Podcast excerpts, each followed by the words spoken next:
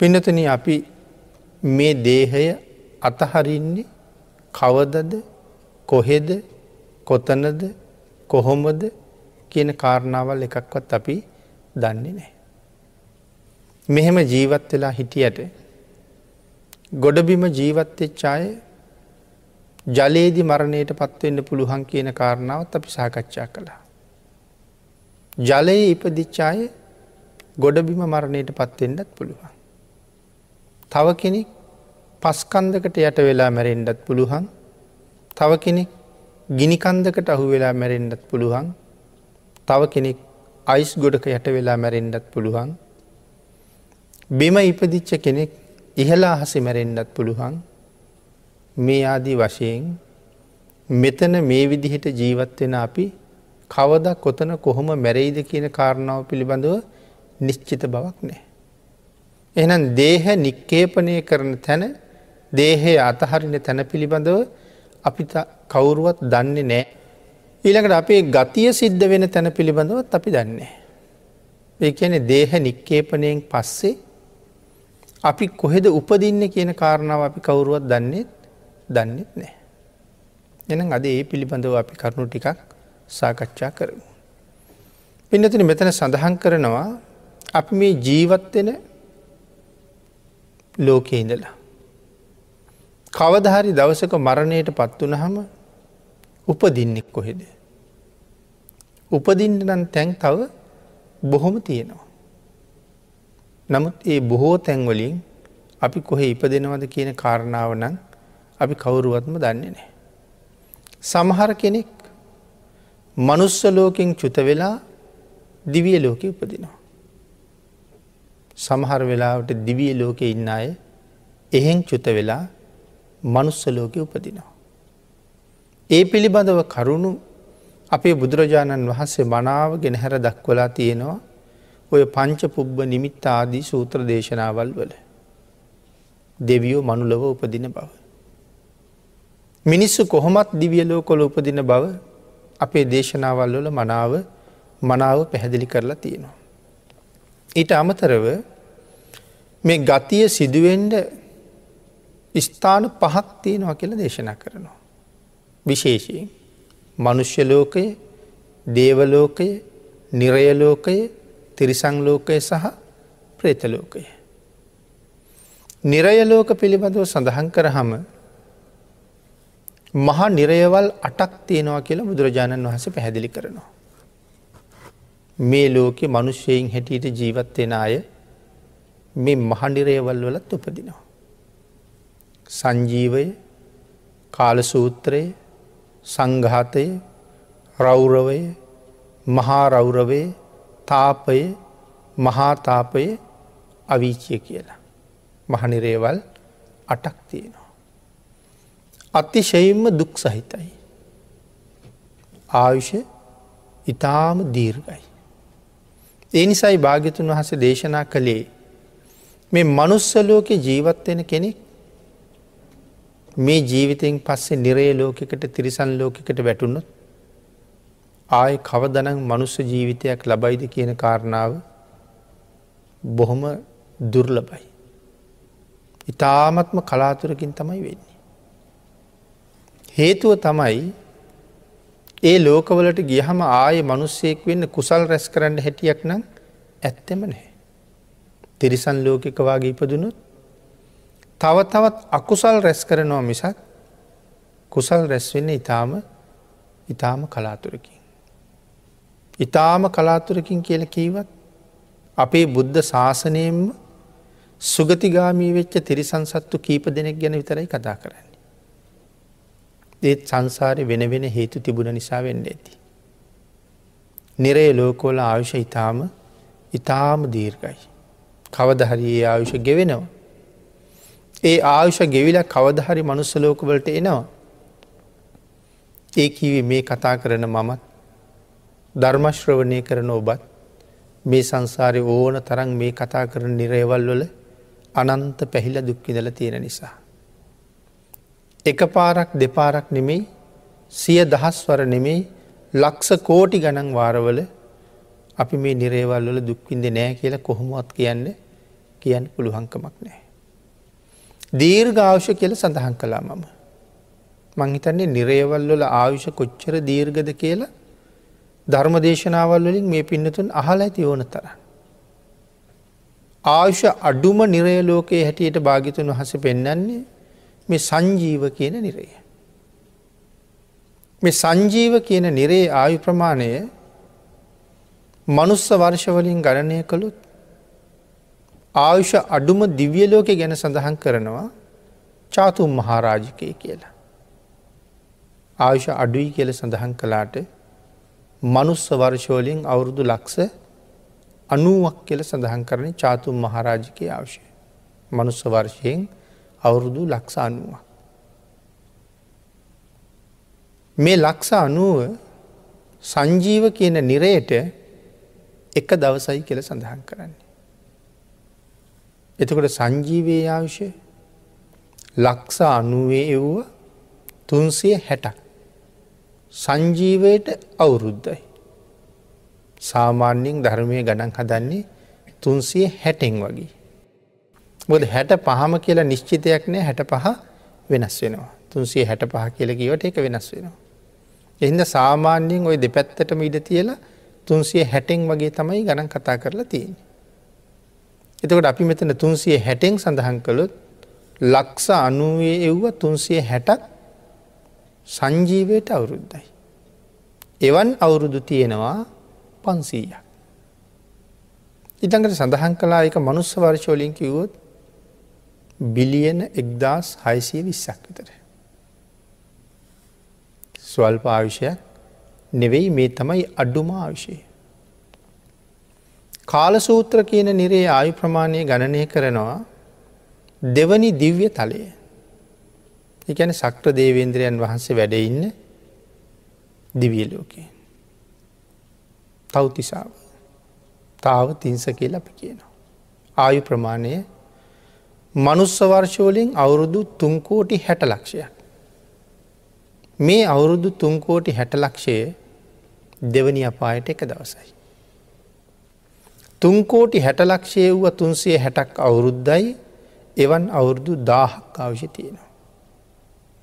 තුන්ගනි දිවියලෝක ආයු ප්‍රමාණය යාමයේ දාහතර කෝටි හතලිස් ලක්ෂයයි එක තුන්ගෙන අපායට එක දවසයි. හතරවෙනි දිවියලෝක ආයු ප්‍රමාණය තුසිතය අවුරුදු පනස් හත් කෝටි හැට ලක්ෂයයි. මේක හතරවෙනි අපායට එක දවසයි.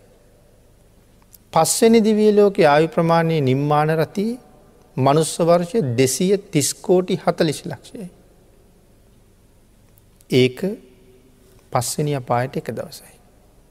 හයවිනි දිවිය ලෝකේ නමසය විසියෙක් කෝටි හැට ලක්ෂයයි පරනිම්මිත වසවර්තිය. ඒක හයවෙනි අපායට එක දවසයි. දොට නමසය විසියෙක් කෝටි හැට ලක්ෂය වූ තුන්සිය හැට අවුරුද්දයි. හත්වෙනි අපායක් තියෙනවා හත්වෙනි දිව්‍ය තලයක් නෑ. ඒ නිසා හත්වෙනි අපාය ආවිෂ සඳහන් කරන්නේ දළ වශයෙන් අන්තර්කල්ප භාගයයි කියලා. අටවෙනි අපායි තමයි අවීචය කියල කියන්නේ. මහා බරපතල අකුසල් කරපු අය උපදින තැන. අවීචිය. ආයු ප්‍රමාණය අන්තර්කල්ප එකයි මනුස්ස වර්ෂවලින් කිව්වොත් එකයි බින්දු එකසිය හතලිහේ එව්වා අසූ හයලක්ෂ හතලිස් දාහ. එකන අසංකේයයින එකයි බින්දු එකසි හතලිහයි කියෙන අසංකේයයි. අසංක්‍ය අසූ හයලක්ෂය හතලිස්දාහක්. එතකොට භාගිතුන් වහස දේශනා කළේ මේ නිරයවල් වල වැටුනොත් ආය නැවත මනුෂ්‍යාත්ම භාවයක් ලබනවා කියන එක පරම දුර්ල බයි කියලා මේ ආවුෂය ගැන හිතනකොට ඒ අපිට හොඳටම හොඳටම තේරෙනවා. ඊට අමතරව ඔසුපත් නිරයන් තියෙනවා එකසිය විසි අට. එතකොට මුළු අපායවල් ගාන එකසිය තිස් හයයි. ඔසුපත් නිරයන් එකසිය විසි අටයි මහනිරේවල් අටයි එකසිය තිස් හයයි. මේ ඔසුපත් නිරයන් තියෙන්නේ මහ නිරය වටේට පොඩි පොඩි අපායවල් හැටියට. හතර පැත්තේ හතර හතර එකක් වටේට දාසයක් තියෙනවා. දාසේ වරක් අට එකසිය විසි අටයි. මේ ගණන මෙහෙම සඳහන් කරලා තිබුණට තවත් ඔසුපත් නිරයන් තියෙනවා කියන එක ඔය මිත්ත වින්දකාදී ජාතක කතාවලින් පැහැදිලි වෙන. එකන අපි හිතාගෙනන්න මේ නිරේවල් ඔක්කොම මහපොළොව යට තියෙනවා කියලා. ඇතැම් ඔසුපත් නිරේවල් ගොඩබිමත් තියෙනවා කියන කාරණා සඳහන් වෙනවා. මහමුහුදෙත් තියෙනවා කියල සඳහන් කරනවා. ඇති මේ මිත්ත වින්දක කියන ජාතක කතාවෙන් කියනවා මහමුහුද තියෙන ඔසුපත් නිරයන් පිළිබඳව. එක පුද්ගලයෙක් මහා බරපතල පාපයක් කරලා පිරිසක් එක්ක විදේශගතවෙන්ට නැවුනගින. මිත්ත වින්දක ජාතක කතාව හොයල්ලා විස්තරේ කියවන එක හරි වටිනවා. මම මේ බොහොම කෙටියෙන් සේපත් කරන්න. මහමුහොද මැදට ගියහම නැව අතර වෙනවා. යාන්ත්‍රික ඉංජිනේරුව නැවේ දෝෂයක් තියෙනවද කියලා දන්න ප්‍රමාණයෙන් හොයල බලහම නැවේ කිසිම දෝෂයක් ඒයට දකිින්ට නැහැ. නමුත් නැව ගමන් කරන්නේ නෑ. අන්තිමටම මේ අයි තීරණය කරනවා මේ නැවේ මහ පව්කාරයකින්න. ඔහු අයිංකලොත් නැව ඉදිරියට අපහු ගමන් කරන්න පුළුවන්. ඒ වුණට අහවලාය පෞකාරයක් කියලා හොයන්ඩ බෑ. ඒ නිසා මේ අයි තීරණය කළා කුසපත් ඇදීමක් කරමු කියලා. දැන් තුන්ඩු ටිකක් ලියලා කුසපත් ඇදීම කරනවා. එක පුද්ගලයකුට මේ පෞකාරයා කියන කාරණාව තහවුරු වුණ. නමුත් ඉතින් අහම්බෙන් වෙච්ච දෙයක් හින්ද මෙගොලො නැවතවතාවක් ඒ වැඩි කළා. දෙවනි වතාවත් ඒ පුද්ගලයටම ඒකාවේ. ඊට පස තීරණය කලා මේ පුද්ගලයා අයින් කරන්න ඕනේ. එනිසා ඔහු නැවෙන් අයින් කළා. ඊට පස නැවාපහු ගමන් කරන්න පටන් ගත්තා. ද මේ පුද්ගලයා සාගරයේ පීනගෙන යනකොට කුඩා බෝට්ටුවක දාලා අයින් කලා කියලත් කියනවා. කෙසේ වෙතත් ඒ යනකොට මෙයාට හම්බ වෙනවා විමාන ප්‍රේතියෝ. තකට ඒගොලු සාගරයේ තමයි ඉදලතියන්නේ. විමාන ප්‍රේතියෝ කියල කියන්නේ රාත්‍රී කාලය සැපවිඳිනවා දෙවිවරු වගේ මුළු දහවල් කාලයේම දුක්විඳිනවා. රාත්‍රිය සැපවිඳිනවා දහවලට දුක්විදිනවා. දැන් එතකොට මෙයා ගිහිල්ල ඒ විමාන ප්‍රීතියොත් එක නතර වෙනවා. ඒගොල්ල දුක්විඳින්ට යනකොට මෙයා ඒගොල්ලු දාල යනවා. මුලින් දෙන්නෙක් කම්බෙනවා ඊළඟට හතර දෙනෙක් කම්බෙනවා ඊළඟට අට දෙනෙක් කම්බෙනවා ඊළඟට දාසය දෙනෙක් කම්බෙනවා මේගොල්ල දුක්විඳින්ට යනකොට කියල යන්නේ අපි එනකං ඉන්ඩ අපි මේ දුක ඉවර කරලා අයනවා කියලා. නමුත් මෙයා ඉන්න නෑ. එහෙම එහෙම යනකොට මෙයා දකිනව බොහොම ලස්සනට මල් පිපිච්ච උද්‍යානයක් වගේ. එතන එක පුද්ගලයෙක් මෙයා දකිනවා නෙළුම් මල් මාලයක් කරේදාගෙන වගේ ඉන්නවා. හරි ලස්සන මල් මාලයක්. මෙයාගේ බෙල්ල වටේම අඳුන් තවරලා වගේ රතුම රතු පාටයි. අර මාලි දැක්ක ගමන් මෙයාට ලොකූ ආසාාවක් ඇතිවෙනවා ඒ මාලි පැළඳ ගන්නට. අර පුද්ගලයට කියනවා අනි ඔය මාලි මටත් ටිකක් දෙන්න කියලා. එය කියනවා බෑ කියලා. ඉති මෙයා බලකර කර බලකර කර ඉල්ලනවා. ඊට පස්සේ මාලෙ පැළඳගෙන ඉන්න පුද්ගලයා කල්පනා කරනවා මගේ පව ඉවර ඇති. මම වගේම පව්කරපු පුද්ගලයෙක් වෙන්ඩ ඇති මේ ඇවිල්ල ඉන්නේ. ඒ නිසා ඔහුට පව විපාක දෙන්නයි මේක ඉල්ලන්නේ. ඒ හින්දා එහෙනම් දාගන්න කියල දෙනවා. අරයට මල් වගේ තමයි පේන්නේ නමුත් මෙයා කරේදාගෙන ඉන්නේ මල්මාලයක් නෙමෙයි. එක තනිකරම දෙලි පිහිය වගේ පිහියවලින් හදාපු මාලය. බෙල්ල වටේටම අඳුංගාල වගේ පේන්නේ නිරන්තරයෙන් කැපි කැපී අරයගේ ලේ වැැක්කෙරෙන. නමුත් මෙයාගේ පව නිසා එයට පේන්නේ එක මල් මාලයක් කියලා. එහෙනම් දාගන්න කියලා ගලෝලා දානකොටම කං නාසා ආදී මූුණ කපාගනර්ක බහිනවා බෙල්ලට දැම්මට පස්සේ ගලවන්න බෑ. මේකට තමයි කියන උර චක්‍රමාලය කියලා. අපි වචනය අහලා තියෙනවා. අපි උර චක්‍රමාලයක් කියලා කියන මහ කරදර ගොඩකට. තමහට මහා කරදර ගොඩක් යම් පුද්ගලයගෙන් පැමිණෙන්ට ගත්තහම අපි කියන මහවුර චක්‍රමාලයක් මං කරේදා ගත්තවාගේ කියන වචන අපි කියනවා. එතකොට ඒ මේ මේ මාලෙට තමයි ඒ උර චක්‍ර මාලය කියල කියන්නේ කියල සඳහන් කරනවා. එතකොට මෙයා මොකක්ද මේ කරලා තියෙන මහ පව අර පුද්ගලයක් හිතනවා මංවාගේම පවක් කරලා වෙන්දයි මොහො ඇවිල්ල ඉන්න කියලා. මෙයා එදා නැවුනගින්න ගිහිල්ල තියෙන්නේ තමන්ගේ අම්මට ගහලා. එතවට මේ කාරණා වලින් තවත් හුඟක් කරුණු අපිට තේරුම් ගණ්ඩ තේරුම් ගණඩ තියෙනවා. විස්තර සහිතව ජාතක කතාව කියවහම බොහෝ කරුණු දැනගන්න පුළුවන්. ජාතක පාලිය කියල කියන්නේ බුදුරජාණන් වහන්සේගේ ශ්‍රීමක දේශනාව. හැබෑම නිර්මලම ධර්මය. භාගිතුන් වහන්සේමයි දේශනා කරන්නේ. යම් ධර්මකාරණාවක් පැහැදිලි කරන්න අවශ්‍ය වෙච්ච තැනක බුදුරජාණන් වහන්සේ ජාතක කතාවක් ගෙනහැර දක්වනවා කියලයි සඳහන් කරලා තියෙන්. එතකොට මේ කාරණාවලින් අපිට පේනවා ගොඩබිමත් සාගරයේ තවත් ඔසුපත් නිරයන් තියෙන් පුළුවන් කියන කාරණාව. එතකොට අපිට තීරණය කරන්න බෑ මෙහි ජීවත්වෙන පුද්ගලයා මැරිලා ගිහිල්ල කොහෙ උපදිනවද කියලා. දැඟ තපෝදා නදිය පිළිබඳව එහෙම සඳහන් කරනකොට පැහැදිලි කරනවා තපෝදා නදිය ඉතාම පිරිසිදුයි කියලා. ඉතාම පිරිසිදු වතුර තියෙන්නේ. සීතෝදකන් ඉතාම සීතලයි. මදුරෝදකන් ඒ වතුර හරි රසයි මදුරයි මිහිරී අච්චෝදකන් ඉතාමත්ම පිරිසිදුයි. සීතෝදකං මදුරෝදකං අච්චෝදකං. තපෝදා නදිය ගලනව කියල සඳහන් කරන්නේ නාගලෝකීඉදලා. නමුත් ඉතින් නාගලෝක තියෙන්නේ කොහෙද කියන කාරණාව අපි දන්නේ නැක සාගරයේ වෙන්ඩත් පුළුවන් සාගරයේ පතුලි වෙන්ඩත් පුළුවන් නාගලෝකින්දර තමයි තපෝදා නදී ගලන්නේ. නමුත් පින්නතින සඳහන් කරනවා රජගහනුවර පොළොවට යටින් ඔසුපත් නිරයන් දෙකක් තියෙනවා කියලා. මෙව ළඟළඟන මේ තියෙන්නේ. රජගහනුවරට යටින් ඔසුපත් නිරයන් දෙකක් තියෙනවා කියල සඳහන් කරනවා. මේ තපෝදා නදිය නාගලෝකින්දල ගලාගෙන එනකොට අර ඔසුපත් නිරයන් දෙක මැද්දෙන් ගලනව කියල කියන්නේ. සඳහන් කරනවා ඒ මැදින් ගලනකොට මේ මහ ගංගාව පැහෙනවා කියලා. එතුකට නිරේ හරහ ගල්ල නෙමෙයි නිරය දෙකට අතරින් ගලනකොට මේ මහ ගංගාව ජලකඳ පැහෙනවා කියලායි සඳහන් කරන්න. එතකොට එහෙනම් ඔසුපත් නිරේක මොන තරන් ගිනි ජාලාවක් ඇත්ත. මහනිරයේ කොහොම ඇත්ත. නමුත් මේ කතා කරන මොහොතෙත් මේ නිරේවල් පිරිලයි තිරිලතින්.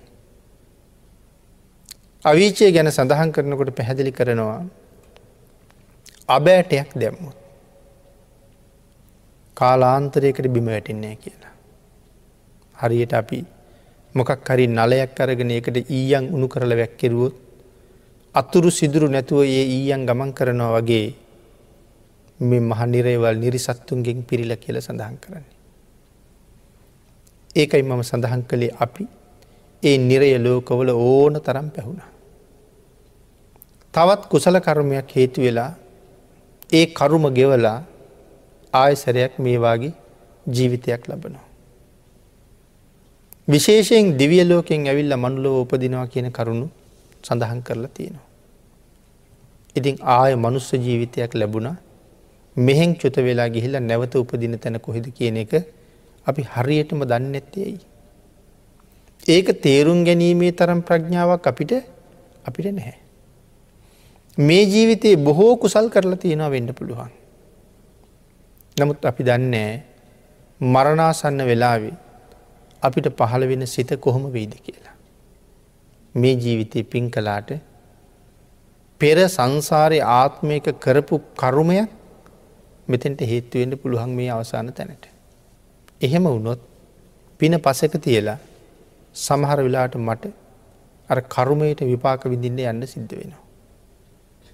එතකොට සංසාරය රැස්කරපු කරුමත් හරිම භයානකයි කියන කාරණාවයි සඳහන් කරන්න ඕනි. ආං ඒ නිසයි බුදුරජාණන් වහන්සේ නිරන්තරයෙන් අපිට පැහැදිලි කරන්නේ උපන්නා වූ සත්වයා විසින් බොහෝසේ කළ යුත්තේ කුසල්මයි. ඒවන් ජාතයන මච්චේන කත්තබ්බං කුසලම් බහු. එතකොට අපි මේවාගේ ජීවිතයක් ලැබිය සසර බොහෝ පින්කරපු නිසා.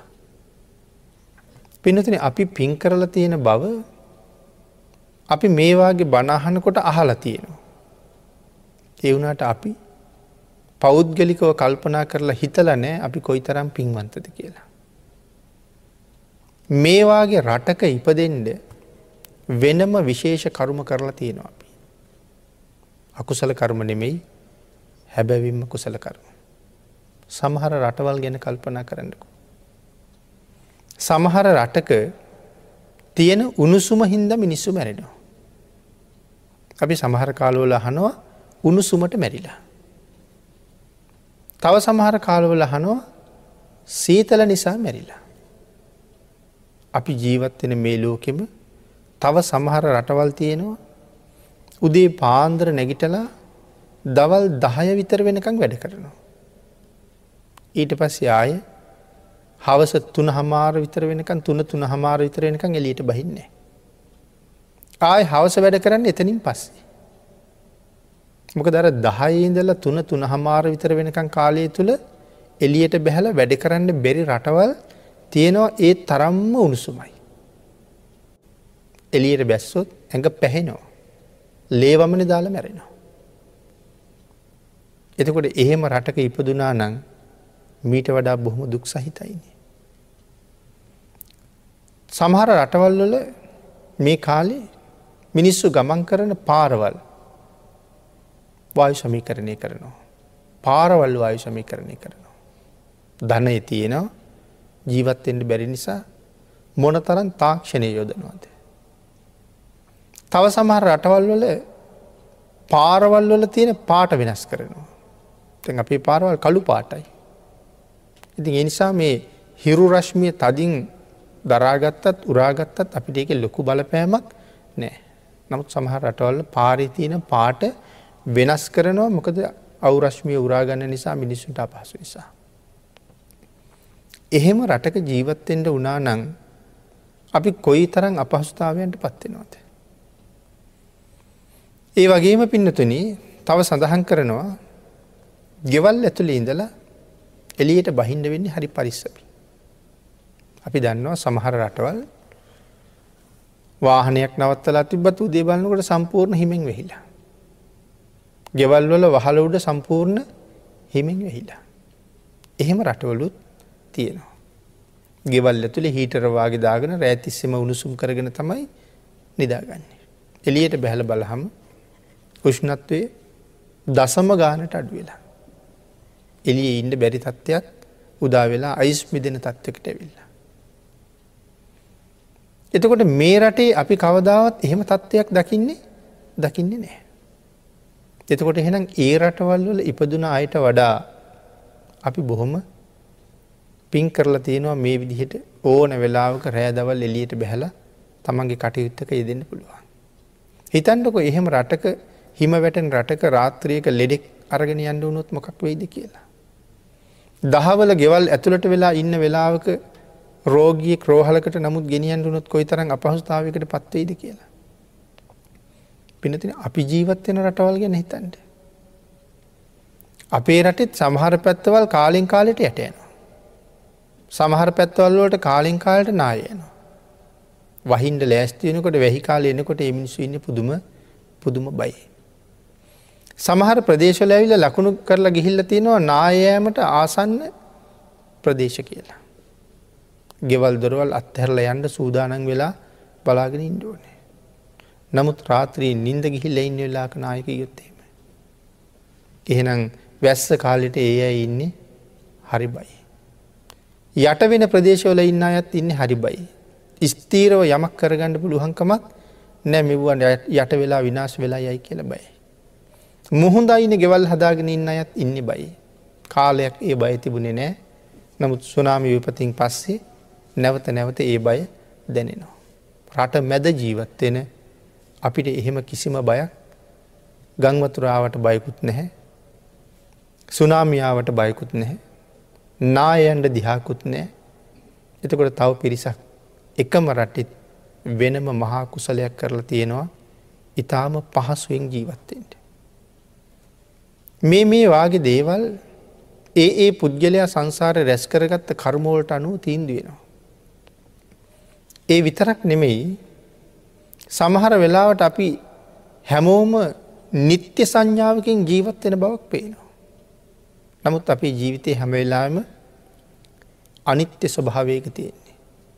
අස්ථාවර ස්වභාවයක තියෙන්නේ. ස්ථාවර ජීවිත කාටවත් කාටවත් නෑ. අපි සමහරලට දරුව මල්ලු හදනවා. ඒ අයි බොහොම ආදරින් පෝෂණය කරනවා. උගන්නනවා. ලොකු මහත් කරනවා. අපි බලාපොරොත්තු වෙනවා මේ ගොල්ලු ලොකු මහත් වෙලා අපිව රැකගනී අපිව බලාගන්නේ අපිව පෝෂණය කරයි අපිට ලෙංගතුකං දක්වයි කියලා අපි එම හිතාගෙනන්නවා. නමුත් එහෙම හිතාපු හුඟක් දෙනාට හිතපු නැති දේකට තමයි මුණ දෙන්න වෙලා තියෙන්නේ.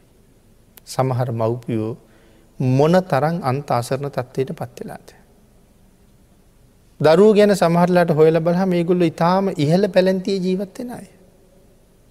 නමුත් අම්ම තාත්ත සමහරලාට හිඟමං යදිනවා. ඒමනත්තං වැඩිහිටි නිවාසයක. නමුත් මේ දරුව හදන කාලෙ මේ අයට උගන්නන කාලේ ඒ මව්පියෝ හිතන්ඩ ඇද්ද මේ අය දවසක අපිට මෙහෙම කරයි කියලා. කවදාවත් එහෙම හිතුවෙනෑ නිත්‍ය සංඥාවක් තමයි තිබුණේ. මැරෙනවා කියන කාරණාවත් ඒ අයට සමහර වෙලාවට අමතක වෙලා තිබුණා. ආං ඒ නිසා බුදුරජාණන් වහස දේශනා කළා හැම වෙලාම බොහෝසේ කුසල් රැස් කරන්න ඕනේ. හැම වෙලාවෙම කුසල් රැස් කරන්න කියල කීවේ අපේ ජීවිතය කවද කොතන නැතිවීද දන්නේ නැති නිසා. පස්සේ අහවල් කාලේ අහවල් වෙලාවක කුසල් රැස් කරනවා කියලා තීරණය කරන්න පුළුවන්කමක් නෑ. අද මෙහෙම ජීවත් වනාට. හෙට දවසේ මොනවාගේ ලෙඩකට ගොදුරු වෙන්න බැරිද. අත් දෙකම වකුටු වෙන්ඩ පුළුවන් ජීවිතය කවදාවත් අයි කෙලින් කරන්න බැරිවෙන්ඩ. පාද දෙක රෝගී තත්වයට ලක්වෙන්ඩ පුළුවන් අය කවදාවත් සුව කරන්න බැරිවෙන්ට. හදිසියේ ඇස් දෙක නොපෙනී යන්න පුළුවන්. හදිසියේ කන්දක නෑසී යන්න පුළුවන්.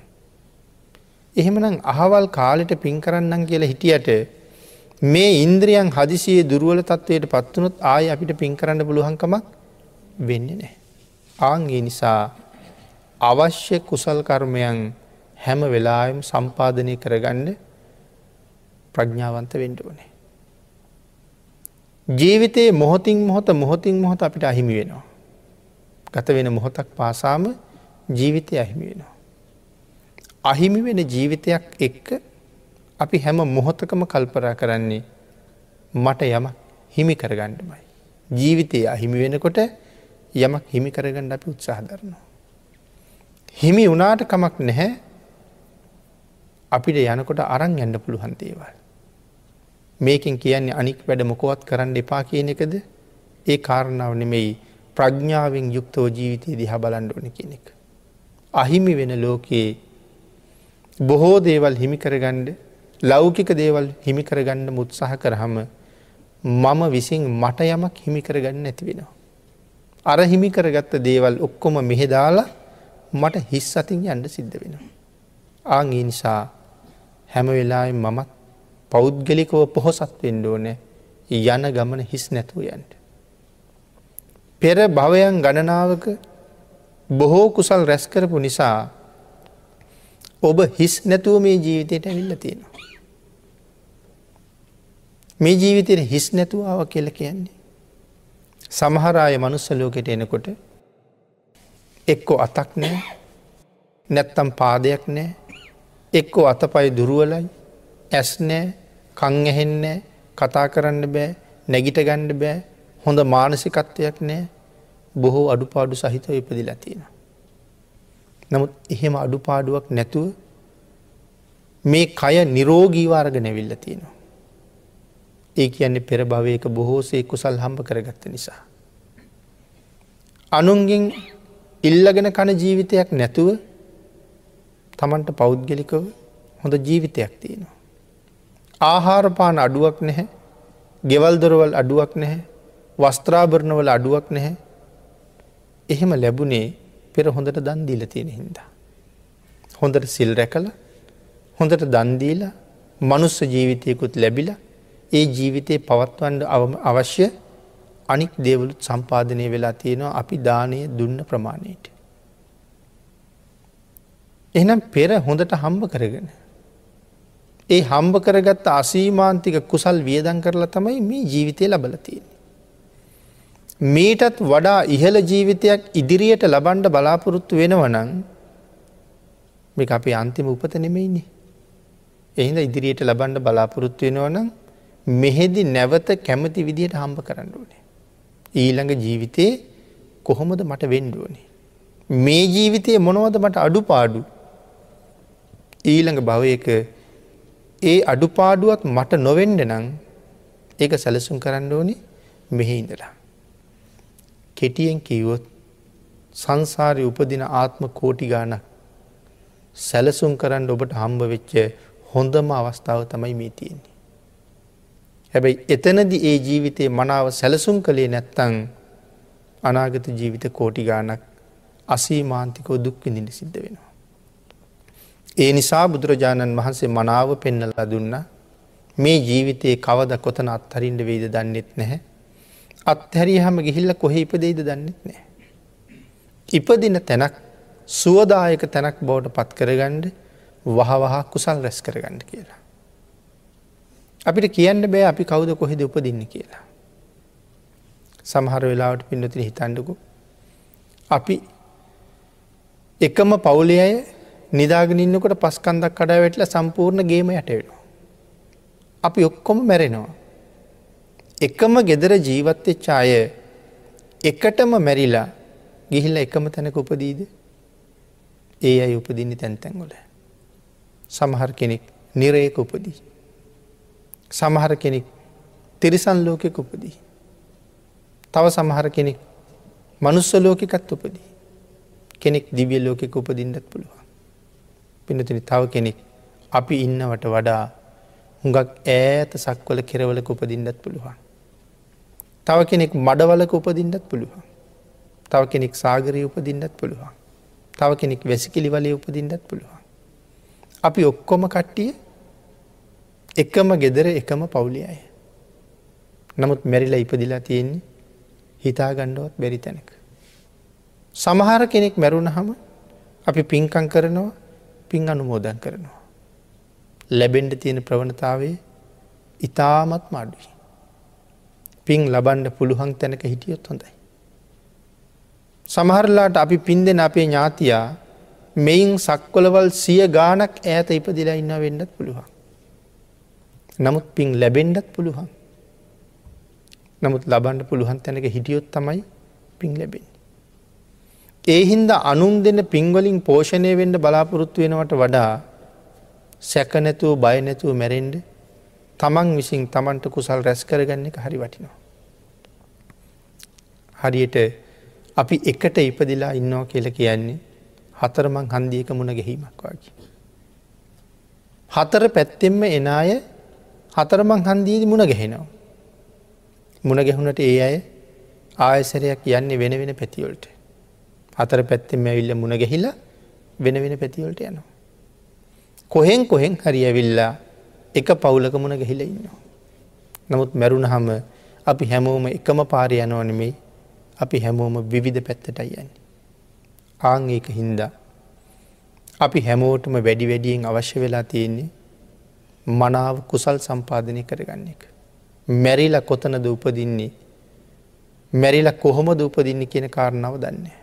එහනම් ගතිය කොතන කොහොම සිද්ධ වෙනවද කියන කාරණාව හිතාගණ්ඩ බැරි නිසයි බුදුරජාණන් වහන්සේ මේ කරුණු පෙන්නලා මේ මරණය හැම වෙලාම සිහිපත් කරන්න කෙළ දේශනා කළේ. මම මැරෙන කෙනෙක් කියන එක අමතක කරන්න එපා.